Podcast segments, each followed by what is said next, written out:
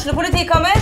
Ine Jansen er purk. Er du purk? The motherfucking bitch. Alt jeg vil, er å finne ut hva som skjedde med mannen min. Jon Carew. Er jeg sikta for noe? Iben Akeli. Det er du. Ole So, Lars Berrum og Big Daddy Karsten. Hvem sin side er du på, egentlig? Anette Hoff, Tone Danielsen, Kommer du fra Afrika? Jørnis Josef, Nesten. Kløfta. Trond Espen Seim, Det er synd å si det, men det var feil mann som døde. Purk. Premiere tirsdag på TV2 Play. Ungsamtalen fra DNB er økonomisk veiledning tilpasset deg som er ung. Bokk en ungsamtale på dnb.no. slash ung. Det er kjempebra hvis du skal inn på boligmarkedet, hvis det er drømmen din, liksom. Det er det du skulle sagt. Og så kunne du ropt litt mer, da, sånn som jeg gjorde. Bam! Åh,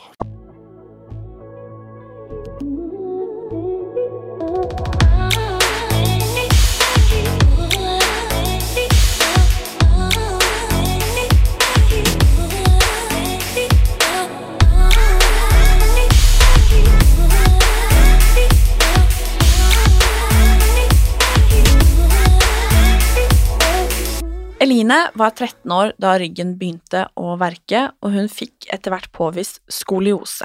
Det må jeg innrømme at jeg ikke hadde hørt om før, og etter andre og siste operasjon kunne hun ikke gå selv uten hjelp. I dag er hun utdannet PT og rehabiliteringstrener og ønsker å være et forbilde for andre som måtte stå i samme situasjon som hun gjorde. Jeg er veldig nysgjerrig på hva som faktisk skjedde da hun begynte å få smerter i ryggen, og hvordan hun har kommet seg fra å være sengeliggende til der hun er i dag. Velkommen, Eline. Tusen takk. Dette har jeg gleda meg veldig til. Jeg òg. Både å treffe deg og høre din historie, men også lære mer om dette, for skoliose hadde jeg Skoliose, det er sånn man sier det? Ja, skoliose. Skoliose. Det hadde jeg aldri hørt om tidligere. Nei. Hadde du det før du ble syk? Nei. Aldri hørt om det. Um, og jeg husker jeg syntes det var veldig rart også at jeg fikk uh, problemer med ryggen når jeg var et barn. For jeg tenkte jo også at det var noe gamle damer fikk, på en måte. Uh, og hadde aldri hørt om det før jeg fikk det selv. For du var 13 år. Ja. Hva, hva skjedde? det som skjedde, var at jeg gradvis begynte å få mer ryggsmerter. Um, det var sommeren før jeg skulle begynne i åttende klasse. Så satt jeg med venninnene mine uh, og tegnte, og så klarte jeg ikke å reise meg opp, altså fordi ryggen verka så mye. Og så ble jeg jo henvist videre til røntgen av fastlegen min, og tok et røntgenbilde, og da var ryggraden min 15 grader skjev. Og så ble jeg eh, egentlig med en gang henvist til Rikshospitalet, men måtte vente da ti måneder før jeg ble operert, og da hadde ryggen min blitt 87 grader skjev. Hva? Ja. Så det er veldig mye. Det er ikke vanlig å ha så store kurver. Oi, det var jo ekstremt. Ja, det er det. Hvordan utviklet dette seg så fort på ti måneder? Det skulle jo egentlig ikke skje. Um, jeg var jevnlig inn, inntil røntgen um, hele tiden.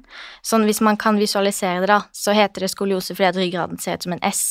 Mm. Sånn at man kanskje får litt mer forståelse for det. Ja. Så ryggraden skaper jo en skjevhet. Um, men det skulle jo egentlig ikke gå så fort, og det er ikke vanlig at det heller skal gå så fort. Og jeg burde jo egentlig ha blitt operert lenge før eh, jeg fikk time, da. Men hvorfor tok det så lang tid? For det var ventetid. Ja. Mm. Var det en komplisert operasjon? Uh, ja, det er jo en komplisert operasjon, og du Det er jo i ryggraden. Du er jo nærme ryggmargen. Mm. Eh, og kommer du borti der, så er det jo veldig store konsekvenser. Og dette var i 2016. Ja, Så da var jeg 14. Da var du 14 år. Mm. Og fikk operert inn to met- metall... Hva sier man? Stenger? Metallstenger kan man si, også skruer. Ja. Og så, når ryggraden er såpass skjev som 87 grader, så medfører jo det også at eh, ribbeina snur seg jo feil vei. Eh, lungen min lå jo i klem, så jeg klarte jo ikke å puste. Og så klarte jeg ikke å gå. Eh, Mista hele skoleåret. Um, og var egentlig Jeg måtte jo ha hjelp til alt, egentlig. Det er helt forferdelig. Mm. Og så når jeg ser tilbake på det, så var jeg jo bare et barn. Hvordan var disse smertene? For det høres jo utrolig smertefullt ut. Ja, det var eh, veldig, veldig smertefullt, eh, og operasjonsgrensa er jo når du når 45 grader. Så jeg var jo nesten det dobbelte. Og jeg kunne jo ikke gå, jeg kunne ikke sitte, jeg var jo ikke på skolen, kunne nesten ikke puste, og det påvirka jo alle mine indre organer ganske mye. For hva gjorde du da? Altså, da var du helt sengeliggende, da, 14 år gammel? Ja, egentlig. Spesielt de siste fire månedene, for jeg husker at jeg tok eh, et røntgen i februar i 2016, og da var jeg 50 grader skjev.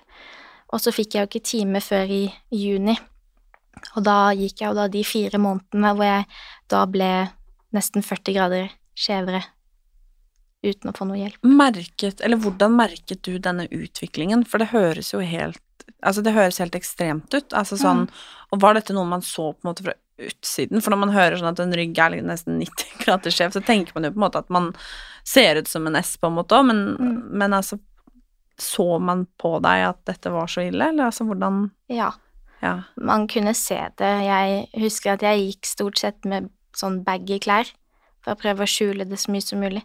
Men uh, når jeg tok av meg genseren, og du så meg bakfra, så ja, kunne man nesten ikke tro det man så. Jeg får det helt vondt i ryggen bare sitte der, jeg. Ja, Shit. så jeg, jeg så veldig skeiv ut fra utsiden, ja. Mm. Hva brukte du dagene dine på da? Jeg var jo mye sengeliggende, da. Um, kunne ikke være så mye på skolen. Jeg følte jo på en måte at livet ble litt sånn satt på vent. Og så leste jeg jo hjemmefra. Jeg ble jo på en måte sendt hjem med boka og møtte opp til muntlige høringer. Så det var egentlig det jeg gjorde.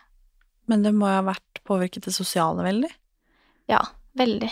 Jeg Mm. følte jo at jeg falt veldig utenfor normalen, og så kom det på en måte veldig brått på, liksom fra første røntgenbilde, og bare ti måneder senere så hadde det på en måte blitt så mye verre, da.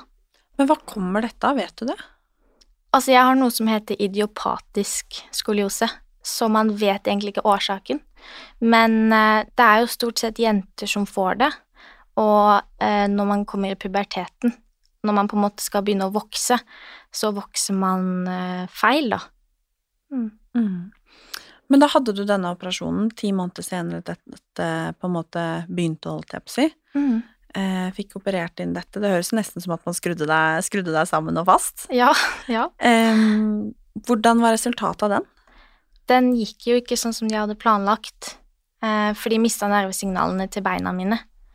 Og da eh, hadde de fortsatt, da, så kunne jeg jo blitt lam. Så når de var ferdig operert, så var jeg da 42 grader. Så de hadde jo på en måte Jeg hadde jo blitt ganske mye mindre skjev, men på en måte ikke godt nok, da. Og du var 14 år gammel, mm. og det høres ut som en ganske tøff operasjon. Ja. Og du fikk jo hele livet ditt snudd på hodet. det. Mhm. Hvordan påvirket dette her deg og familien din? Jeg tror det påvirka mamma spesielt eh, veldig mye. Eh, jeg vet at det var veldig tøft for de å se hvor syk jeg ble plutselig. Um, så det var tøft. Og så merka jeg jo veldig på at det var vanskelig å få forståelse fra andre, og det syns jeg var veldig tøft. Hvordan tok du deg derfra? Hvordan da, tenker du? På Du er operert, du er fortsatt kjempedårlig, og Mm. var det 42 grader skjev, du sa? Ja, det stemmer. Um, hvordan liksom tok du fatt på livet igjen derfra? Eh, Jeg prøvde jo på en måte å fortsette med det normale, eh, å gå på skolen og sånt etter operasjonen. Um, men det første halvåret blir på en måte ting satt på vent. Du Mm. kan ikke eh, Du kan ikke bære en handlepose engang på egen hånd. Så er, jeg ble veldig avhengig av hjelp av andre. Men eh, ellers så prøvde jeg på en måte å full, eh, følge skoleforløpet og, og hverdagen til andre barn, da. Føler du at du ble liksom frarøvet ungdomstiden din? Ja. Mm. Absolutt. Jeg føler jo det er veldig urettferdig, egentlig. Mm. Og det er ikke en tid jeg kan få tilbake. Hva følte du at du gikk glipp av? Alt. Eh, Jeg følte at jeg gikk glipp av altfor mye skole, og jeg følte ikke at jeg fikk noe hjelp. Jeg følte på en måte at jeg ble sendt hjem med bøkene på egen hånd, og der skulle jeg sitte, liksom. Mm. Um, følte at vennene mine glemte meg. Hvis man eksempel fant på ting etter skolen og sånn, så hadde jo ikke jeg vært på skolen. Så følte meg jo litt sånn ensom. Uh, og følte også mye på at det er en sykdom som er usynlig. Altså, man kan ikke se det på meg. Eh, nå har jeg et arr over hele ryggen, så du skjønner at noe er galt hvis man ser ryggen min, men ellers ser jeg jo helt vanlig ut. Så jeg syns det var tøft at ingen trodde på meg også. Eh, og det med å få liksom spørsmålet sånn Er du egentlig så syk? har jeg fått altfor mange ganger. Mm. Fordi at folk ikke så det på deg? Ja. Hvordan opplevdes det da, når du var, var så alvorlig syk? Det var helt forferdelig. Det burde jo ikke være sånn. Eh, men barn kan være slemme hverandre. Mm. Og etter at eh, jeg følte at det ble mye hvisking og tisking, og folk ikke skjønte hva greia med meg var, så spurte jeg om læreren kunne gi beskjed til klassen og si at jeg er syk, og derfor er jeg jo ikke her nå. Og da gjorde læreren det hver gang jeg begynte i en ny klasse. For du begynte ofte i en ny klasse? Nei, altså sånn åttende og niende og ti. Ok, Ja. ja. Jeg forstår. Men da var du veldig preget og veldig mye syk på ungdomsskolen. ja. Hvordan var det da skulle begynne på videregående? Nei, jeg opererte meg jo igjen, da, i VG1. Mm. Så jeg mista jo på en måte starten på ungdomsskolen når jeg opererte meg i åttende, og så mista jeg jo også starten på videregående når jeg opererte meg i VG1. Så det var jo kjipt. Hvordan var den operasjonen? Den var mye mer omfattende enn den første. Mm. Hvordan da? Eh, det gamle metallet hadde jo kapsla seg inn med brusk, eh, for det gjør jo kroppen, da. Eh, at det gror, liksom. Så derfor ble jo kirurgene nødt til å knekke opp hele store deler av ryggraden min, og så fjerne metallet som var der, og så på en måte jekke meg mer tilbake på plass, skru inn nytt metall og legge beina på igjen. Så det grodde sammen. Så da hadde jeg eh, 60 eller 70 brudd langs ryggraden når jeg var ferdig. Det er helt sinnssykt. Mm. Men jeg har jo skjønt at eh, det ikke er hverdagskost på Riksen, liksom, fordi at de brukte en halv, eh, et halvt år på å planlegge operasjonen og sånne ting. Ja. Mm. Fy søren. Ja, det er voldsomt. Jeg vet nesten ikke hva jeg skal si, fordi at det er så Det er jo helt sinnssykt. Og så tenker jeg Mm. liksom, du er så ung og liten, på en måte, Ja. og så så omfattende og så meningsløst, på en måte. Ja. Jeg Jeg vet ikke helt om jeg forstår det sjøl. Men hvordan var rehabiliteringen etter den da enormt store operasjonen? Um, den tok faktisk mindre tid enn den første, Mm. fordi jeg hadde trent så mye i forkant. For det fikk jeg beskjed om at jeg skulle gjøre. Så da trente jeg et helt år eh, til den operasjonen, altså opp mot det. Hvordan trente du da? Styrke. Mm. Med litt prøving og feiling, da, siden jeg var jo liten. Men eh, jeg holdt meg aktiv og trente mange ganger i uka, og jeg merka forbedring. Og det fikk jeg på en måte igjen for, da, da jeg var ferdig operert. Men hvor lang tid tok det da? Jeg vet ikke om jeg er ferdig enda. Nei. Det er jo en livslang sykdom, og jeg er fortsatt ikke vant til den nye kroppen min, om man kan si det sånn. Mm. Um, for du vokser jo også. Jeg vokste ti centimeter på den siste operasjonen. Så du våkner opp med en helt ny kropp. Altså, da må jeg spørre, vokste hvordan, hvordan da? Fordi at de la Eller rettet deg opp? Eller altså Ja, altså, de strekker jo ut ryggraden, da. Så jeg ble ti centimeter høyere i, på, i overkroppen. Unnskyld at jeg ler, men det, det er klart Det, det det tenkte jeg jo ikke på. Nei, for du, man er jo lavere enn det som er meningen, da. Når du vokser sidelengs istedenfor oppover. Det er klart Så når de strakk meg ut, så ble jeg jo brått eh, veldig mye høyere. Og ti centimeter er jo ganske mye. Ja. Hvor det- høy var du, og hvor høy er du nå? Jeg er vel 1,68, 1,69, noe rundt der. Så jeg var vel sånn 1,59-ish. Shit. Mm. Det tenkte jeg ikke på. Nei. Men da er jeg jo veldig spent på Du begynte jo å nevne det nå, men hvordan Altså, hvordan var det da å skulle våkne opp med en helt ny kropp? Det jeg, Altså, jeg husker på en måte ikke så mye av det heller. For jeg kunne ikke få sånn epidural, som er den smertestillende man vanligvis gir, for da hadde jeg også blitt lam. Ehm, så jeg fikk jo veldig mye annet. Uh, så jeg husker egentlig ikke så veldig mye av sykehusoppholdet, Mm. annet enn at um, jeg var veldig hoven i ansiktet. Jeg hadde jo lagt opp ned i ti timer, og ikke kjente meg igjen. Uh, det var veldig vondt. Ja, det husker ikke så veldig mye med, egentlig. Og dette parallelt mens du egentlig skal gå på videregående, du skal Mm. være ungdom, du skal liksom woo, out and about. Ja. Hvordan ble det sosiale da, å skulle begynne på ny skole, eh, være så alvorlig syk, og i tillegg skulle du søren meg bli ti centimeter høyere? ja. Nei, jeg husker jo at det, var kanskje nesten enda tøffere enn jeg gikk på ungdomsskolen. Ehm, og jeg syns det var enda vanskeligere å snakke om det på et vis. Uh, og at jeg følte meg veldig annerledes. Um, nesten litt flaut at det var noe galt med meg. Og ja, mista jo veldig mye skole, og leste òg på egen hånd. Det var liksom den samme regla hele tiden om at jeg måtte være hjemme, og jeg kunne ikke være med de andre, og eh, jeg ble glemt av noen, og ja, følte rett og slett at det var mange som ikke forsto alvoret da òg, selv om vi hadde blitt eldre. Fikk du til å fullføre videregående? Ja, men jeg måtte ha lengre tid. Så etter veldig mange møter med, med rådgivere og sånn på skolen, så ble det til at jeg måtte ta det så ekstra, da. Et år ekstra. Hvordan føltes det? Nei, det var ikke noe jeg hadde lyst til. Det var ordentlig kjipt. Eh, og hadde ikke lyst til å havne bak. Jeg følte på en måte at jeg hadde hatt så mange forsinkelser fra før, og at jeg hadde gått glipp av så mye at jeg syntes det var kjipt å henge igjen når alle andre skulle ha friår og, og holde på med gøye ting, da. Hvordan eh, påvirket dette deg, um, og det man liksom anser som du vet, ungdomstida, man skal liksom feste, man skal være russ, man skal liksom Og det er absolutt ikke noe man må, men det er jo gjerne sånn man prater om det, ikke sant. Man skal være sosial, man skal finne nye venner, ikke sant. Livet skal egentlig være ganske bekymringsløst og, og deilig på en måte før man blir voksen, på en Mm. måte. Mm. Um, mens du hadde jo enormt mye bekymringer.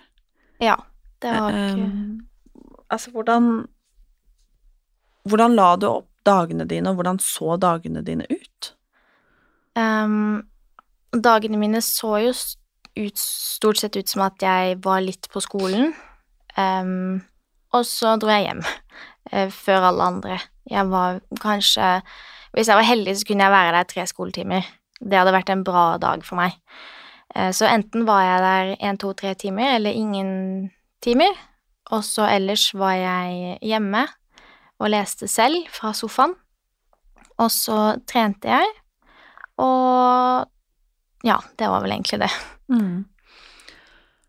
Men du klarte å fullføre, Ja. selv om det ble på fire år i stedet for tre? Ja. Og nå er du også utdanna? Ja, det er jeg. Få høre litt om det. Ja, jeg er jo ferdig utdanna personlig trener og rehabiliteringstrener, kostholdsveileder og mentaltrener. Det er helt rått. Ja, Fordi takk. du er bare 21. Mhm, det Mhm. er jeg. Så jeg er veldig fornøyd, eh, men studiene mine har jo også blitt gjort hjemmefra. Em, så jeg har jo egentlig vært min egen lærer siden jeg var 14. Mm. Hvordan eh, tror du det på en måte har påvirket deg um, og det faglige? Altså sånn, fordi du har jo gått da glipp av mye sosialt, for eksempel, Uh, og en del annen input, liksom. Mm. Ja, jeg har jo vært sånn flink pike, som man kaller det. Har jo alltid hatt lyst til å gjøre det best, og det var viktig for meg å få gode karakterer. Men eh, jeg har blitt flinkere til å heller ta hensyn til kroppen min, da. Så jeg har jo gjort det bra på skolen, og jeg er veldig fornøyd med karakterene jeg har fått, med tanke på at jeg har gjort dette her helt på egen hånd. Så eh, jeg er fornøyd, jeg også, av at det er viktig å lytte til kroppen. Utrolig imponerende. Takk. Men hvorfor har du hatt lyst til å bli disse tingene? Nei, det er jo egentlig fordi at helt siden jeg var bitte liten, så sa alle kirurgene til meg, og legene og fysioterapeutene og alle sammen sa til meg at uh, du må trene for at du skal kunne holde smertene dine i sjakk, da. Uh, og det gir jo også mening, for at skoliose er jo en muskel-skjelett-lidelse eh, som gjør jo at det rammer to ting, som er muskel og skjelett. Også styrketrening styrker jo to ting, som er muskel og skjelett. Så det, det sier seg jo selv at styrketrening er bra, og det var derfor jeg valgte å ta de de utdanningene, da. For min egen del, og for å kunne hjelpe andre, da. For hva har du lyst til å bruke det til? Eh, nå er jeg jo i oppstartsfasen eh, av eh, å starte et eget AS, eh, som egentlig skal inneholde alt man trenger. For det er jo veldig lite hjelp å få. Um, og så er det også sånn at mange har ikke økonomien heller til å få den hjelpen de ønsker. For eksempel trening er jo dyrt. Å gå til en PT eller ha en online-coach er dyrt. Og en fysioterapeut har jo ikke kapasiteten til å trene med deg hver uke. Men så får du hele tiden den beskjeden om at det må du gjøre. Så man står veldig på egne bein, og det syns jeg ikke man skal når man har det så tøft fra før, da. Mm. Fra operasjonen, eller den første operasjonen, eh, til nå, så har du jo gått fra å være sengeliggende og ikke omtrent kunne bevege deg, Mm. eh, til å da skulle jobbe som personlig trener. Ja. Det er jo helt utrolig. Takk. Hvorfor tror du det har latt seg gjøre? Jeg tror nok det er fordi at jeg har vært veldig målbevisst. Jeg vet jo på en måte hvor jeg vil, og den siste tiden så er det det jeg har prioritert, eh, og jeg har brukt mye tid på det. Så det er vel eh, Og så er det vel det at jeg har tilrettelagt hverdagen min for at jeg skal kunne gå. Mm. Jeg har også lyst til å eh, stille litt spørsmål om hvordan det påvirker deg. Mm. Eh, nå har vi snakket en del om det sosiale, på en måte. Mm. Eh, hvordan eh, har det på en måte vært eh, i eksempel andre fysiske sammenhenger eh, å ha denne, denne sykdommen? Jeg tenker sånn eksempel å skulle reise, eller egentlig tenker jeg på alt fra liksom reising, eh, altså bare det å på en måte skulle ut og spise middag, altså sånn Mm. sex, altså hvis du skjønner hva jeg mener, altså sånne ting som på en måte helt vanlige hverdagslige ting og aktiviteter. Mm. Em, hvordan, hvordan er det for deg, hvordan har det vært? Eh, altså, det påvirker meg jo mye i hverdagen. Altså, hvis jeg har eh, en dag utenom det vanlige for meg, som altså er å lese litt, trene litt, gå litt tur, lese litt igjen og slappe av, eh, så sliter jeg. Eh, og jeg har på en måte bestemt meg for at jeg ikke skal ta smertestillende, og at trening er på en måte min smertepille, da. Og sånn har jeg det stort sett, men for eksempel hvis jeg skal ta bussen fra Oslo, da, og hjem til der jeg er fra, så blir jeg nødt til å pakke med smertestillende i veska. Jeg trenger ikke å sitte der mer enn en times tid, og så begynner jeg å slite. Så Og også sånn ut og spise med venner, det har jo òg vært vanskelig etter hvert når, når det begynner å verke. Og jeg er kanskje ikke akkurat den som sier ifra heller, så jeg sitter der vel heller og prøver å gjøre det beste ut av det. Også sånn med kroppen min og sånn, så har jeg jo fortsatt eh, en side som stikker mer ut enn den andre. Og jeg har jo hatt komplekser for arret mitt, for jeg har jo et arr som går fra nakken og nesten ned til korsryggen. Og det var jo en periode hvor jeg valgte å ikke gå med badetøy, for eksempel. Det var en hel sommer jeg ikke bada en eneste gang, for jeg ikke ville vise det frem til noen. Og jeg eh, gikk ikke med små topper på fest em, og sånne ting, så jeg prøvde på en måte å skjule det så mye som mulig, for jeg syntes det var så stygt, egentlig. Men nå er jo det endra seg helt. Um, når jeg går på trening nå, så trener jeg ofte i en sports-BH uh, eller noe med åpen rygg, og jeg eh, prøver å vise det så mye frem som jeg kan, da. Så det har i hvert fall blitt bedre, og det tror jeg skjer litt med alder nå. Mm. Hvordan har dette påvirket deg psykisk? Eh, veldig mye. Mm. Um, men samtidig så tror jeg at jeg har en veldig sterk syke. Um, men det er jo selvfølgelig tøft å, å ha så sterke smerter og gå glipp av så mye som du så gjerne skulle ha vært med på. Og så er det noen som ikke tror på deg, eller ikke skjønner det. Um, og det å falle utenfor det som er sett på som normalen, da, som å gå på skolen og kanskje gå på fotballtrening eller eh, sånne ting som jeg har måttet kutte ut fullstendig, har jo vært det som har påvirka meg aller mest. Men så har jeg på en måte hatt den treningen min nå, så det har vel vært eh, det beste for både smertene fysisk og psykisk. Mm. Kjenner du mange andre med sk- sko Skulle jeg si det igjen her? Skoliose? Skoliose. Skoliose. Ja, nå gjør jeg det, eh, for jeg har holdt veldig mye foredrag, blant annet for barn og unge og pårørende og sånn. Um, og er jo også med, eh, representant i Ryggforeningen, så jeg har på en måte kommet inn i et veldig fint miljø hvor det er eh, mange som har skoliose, da. Og har jo møtt veldig mange jenter som er der som jeg var før, altså som er 14 nå og er der, eh, og så det har vært veldig fint å kunne hjelpe dem, fordi de har jo kjent på mye av det samme som jeg har gjort. Mm. Har du noen peiling på hvordan dette kommer til å utvikle seg? Fordi det er jo en sykdom du skal bære med deg for resten av livet. Mm. Ja, det er jo en kronisk sykdom, så jeg blir jo ikke kvitt den, og jeg er jo Det kommer jo ikke til å bli gjort noe mer nå, jeg skal ikke ha noen flere operasjoner eller noe sånt, så nå er jeg avstiva der jeg er, og må egentlig bare takle de plagene det medfører, da. Å leve med det, rett og slett. Ja. Men hva om det blir verre, da? Ja, det, det vet jeg egentlig ikke sjøl. Det er jo egentlig veldig lite informasjon om det. Og jeg kan jo selvfølgelig ringe Rikshospitalet, og det har jeg gjort flere ganger, og har vært inne der og snakka med kirurgen min, men ellers er det ikke noe sånn behandlingsforløp eller noe sånt mer som skjer fremover. Nå er det på en måte satt. Kan det bli bedre, da? Det tror jeg ikke at det kommer til å bli. Jeg tror på en måte jeg er det beste jeg kan bli nå. Men jeg sliter jo fortsatt daglig med å ikke klare å puste ordentlig. Eh, og så har jeg mye nervesmerter som stråler ut i armene og beina mine og sånn, så de dovner jo litt bort. Og mageproblemer får man jo òg. ja. Så det er også muskel- og skjelettsmerter, da, altså stikksmerter og sånt i ryggen og sånn. Og det er ikke noe å gjøre noe med. Da får jeg egentlig lyst til å stille deg spørsmål om, eh, om dette her med barn og sånn. Mm.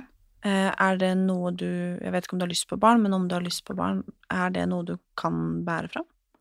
Ja, jeg har lyst på barn. Mm. um, og ja, jeg tror det. Eh, det kan jo selvfølgelig være at man Jeg får enda mer vondt i ryggen, men jeg har ikke hørt noe om at det ikke skal kunne gå. Mm.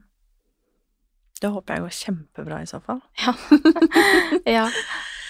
Du har jo fått mye erfaring, eh, på godt og på vondt, mm. eh, til tross for ung alder. Har du noen tips til noen andre, eller de andre, som er kronisk syke? Ja. em, jeg tenker jo i hvert fall, hvis man er komfortabel med det, at man velger å kanskje være åpen med de rundt seg, sånn at eh, andre kan forstå hva det er du sliter med. Og så har jeg jo Altså, det gir jo mange vonde ting, eh, og mye dårlig det å være kronisk syk, men så får du på en måte andre egenskaper, som eksempel mer forståelse og omsorg for andre, og det setter litt ting i perspektiv, altså hva som faktisk er viktig i livet. Og jeg føler at jeg setter mer pris på den kroppen jeg har, og prøver å fokusere på det jeg får til, istedenfor det jeg ikke får til. Og ja, det tror jeg er viktig for at man skal kunne ha det bedre med seg sjøl, da. Og det med også å være usynlig syk, som jeg syns har vært tøft, for jeg kommer på en måte ikke trillende inn i rullestol eller med gips på foten, så man ser det ikke på meg. Men sånn er det jo med veldig mange eh, ulike sykdommer også, altså eh, mentale lidelser, for eksempel. Du kan ikke se på noen hvor vondt de har det, da. Og det er også noe som er tøft, og derfor tenker jeg at det er fint å kunne være åpen. Mm. Det er et veldig fint råd. Takk. Tusen takk for at du hadde lyst til å komme og dele din historie. Tusen takk for at jeg fikk lov til å komme. Jeg, jeg heier skikkelig på deg og ønsker deg alt godt, og håper at eh, du kan være så bra som det du er nå, for resten av livet. Takk, det håper jeg òg. ja. Tusen, tusen takk. Takk.